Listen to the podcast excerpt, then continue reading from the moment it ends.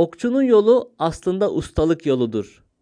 Bedenini ve zihnini aynı anda kontrol eden kişi ustadır. Özellikle de zihin kontrolü. Çünkü aklın başka yerdeyse attığın da başka yerlere gider.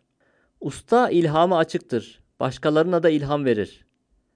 Şimdi ok atma sanatında ilerleyip hayat ustasına dönüşen Tetsuya'nın öyküsüne bakalım.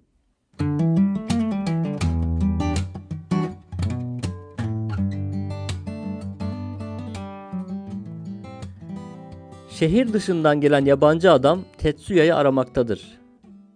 Bu yabancı adam ok atma sanatına uzun yıllar emek vermiş ve artık bilinen en büyük ustadan daha iyi olduğunu kanıtlamak istemektedir. Büyük ustayken ortadan kaybolan Tetsuya'nın izini sürmüş ve bulmuştur sonunda. Ama bu köydeki Tetsuya okçu değil marangozdur. Kendisinin okçulukla hiç alakası olmadığını söylerler ama yabancı yine de ısrar eder ve Tetsuya'nın atölyesine kadar gider. Tetsuya yabancı adamın elinde ok ve yay görünce durumu anlar. Oralı olmak istemez ama yabancı ona meydan okumaktadır. Sanatını göstermek için atölyenin önüne çıkar ve 40 metre ötedeki bir kirazı vurur. Son bir müsabaka için ricada bulunur. Eğer kabul ederse Tetsuya'nın sırrını koruyacağına, yerini kimselere söylemeyeceğine söz verir. Tetsuya adamın isteğini kabul eder. Atölyesinde bir köşede duran yayı alarak köyün dışındaki nehre doğru ilerlemeye başlar. Yabancı adam onu takip eder. Köyden bir delikanlı da heyecanla peşlerine takılır.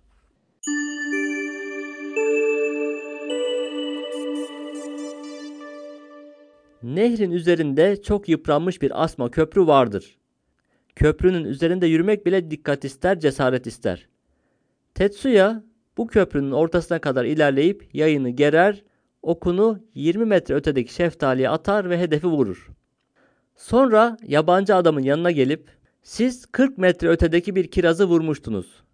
Gerçekten bir ustaysanız benim yaptığımı tekrarlamakta zorlanmazsınız. Daha yakın mesafede daha büyük bir hedef. Yabancı köprüye çıkar ve ortasına kadar tedirgin şekilde ilerler. Sonra durup atışını yapar. Ok dağlara, taşlara, çok alakasız yerlere gider. Adam Tetsuya'nın gerçek bir usta olduğunu anlar ve ustadan şu dersi alır. Atış tekniğiniz doğru. Yaya da hakimsiniz ama zihninize hakim değilsiniz. Ortada bir zorluk yokken hedefi vuruyorsunuz ama koşullar değiştiğinde zihninize hakim olamıyorsunuz. Yabancı teşekkür eder, saygıyla oradan uzaklaşır. Tetsuya genç adamla birlikte köye dönerken okçunun yolunu anlatır.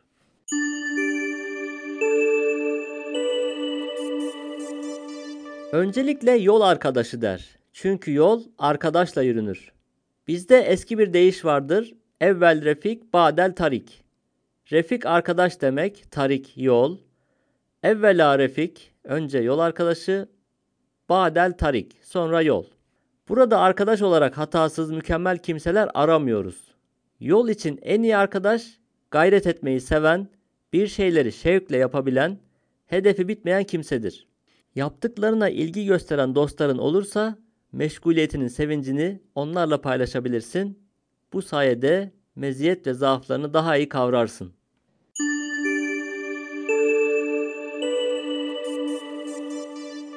Yay hayattır. Oklar elinden uçar gider ama yay elde kalır. Yayın varsa niyet oklarını atman mümkün olur. Niyetlerini yola çıkarmak için gereken enerji yayda birikir, yaydan gelir. Yay sürekli gerilirse özelliğini kaybeder. Gerilme stres biriktirir. Modern zamanlarda yayımız hep gergin. Gece gündüz sürekli bir meşguliyet. Aşırı stres ve sonunda tükenmişlik sendromu. Yay atışlar arasında dinlenmelidir. Hayatımızda da buna benzer boşluklar bırakmalıyız. Bunlar kelimelerin arasındaki boşluklar gibidir. Bu sayede anlam kaybolmaz. Yaptıklarımıza anlam katan boş zamanlarımız olmalıdır. Ok niyettir. Yay ile hedef arasındaki mesafeyi o doldurur. Yayın kuvvetini hedefe ulaşmak için kullanır. Hedef gönlümüzün muradıdır, amaçtır. Öncelikle hedefi karşına alman gerekir. Bu aynı zamanda saygı duymaktır. Hedef bize düşman değil, dosttur. Bize büyük bir iyilik yapar. Hayatımıza anlam katar. Evet, hedefin varlığı okçunun varlığına anlam katar. Bu anlamlandırma karşılıklıdır. Hedef de okçu sayesinde büyük anlam kazanır. Amaç ve dua da benzer şekilde birbirini tamamlar. Amaçsız dua yaysız ok gibidir. Duasız amaç ise oksuz bir yay. Hedefe bakarken etraflıca bak. Nokta olarak kilitlenip bağlamından koparma. Bütünlük içinde büyük resmi gör. Hedefi tutturamazsan hedefi suçlama. Bahaneler de üretme. Olanı olduğu gibi kabul et. Kaderini sev, kısmetine razı ol. Kaderini sevmen yeni denemeler yapmana engel olmaz. Her ok yeni bir yaşantının kapısıdır. Hedef belirlendikten sonra sıra gelir duruşa. Atış tekniği duruşa göre şekillenir. Duruşunda telaş değil, sükunet olmalı. Sükunetin yanına en çok yakışan ise zarafettir. Sükunet ve zarafeti elde etmek için bazı zahmetlere katlanmalısın ama buna değecektir. Çünkü işini yapma tarzın kişiliğini şekillendirir. İngilizce'de cool denilen işte bu telaşa düşmeyen, sakin ve zarif olan duruştur sanırım. Duruşun tamam olduysa sıra oku tutmaya geldi. İşte bu an niyetinle temasa geçtiğin andır. Niyetini kontrol etme fırsatıdır. Oku ele alınca okun doğruluğuna, diğer detaylarına bakarsın. Böylece düşünce planından eyleme geçmiş olursun. Evet, eylem görünür hale gelmiş düşüncedir.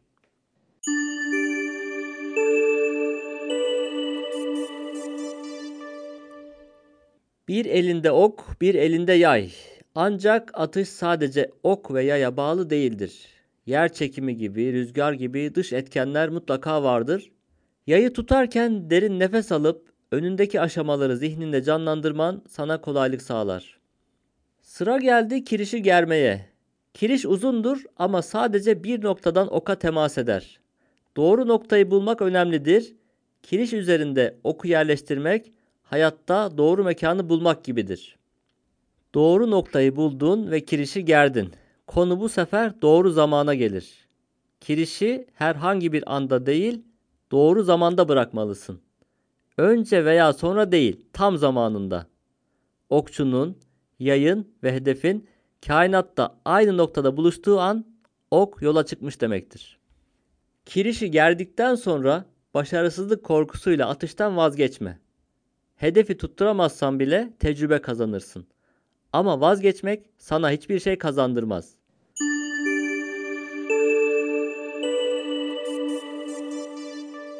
Artık tüm hazırlıklar bitmiş, atış anı gelmiştir. İki tür atış vardır. İlki sadece hedefe odaklanan atış. Bu atış isabetli olsa da ruhtan yoksundur. Hedefi vursa da pek çok şey ıskalamıştır. Ruhun dahil olduğu atışta ise okçunun niyeti okun uçuşuna dönüşür. Zorlama bir durum yoktur. Atış akış halinde sanki kendiliğinden gerçekleşir. Ok doğru zamanda hedefe doğru süzülmeye başlar.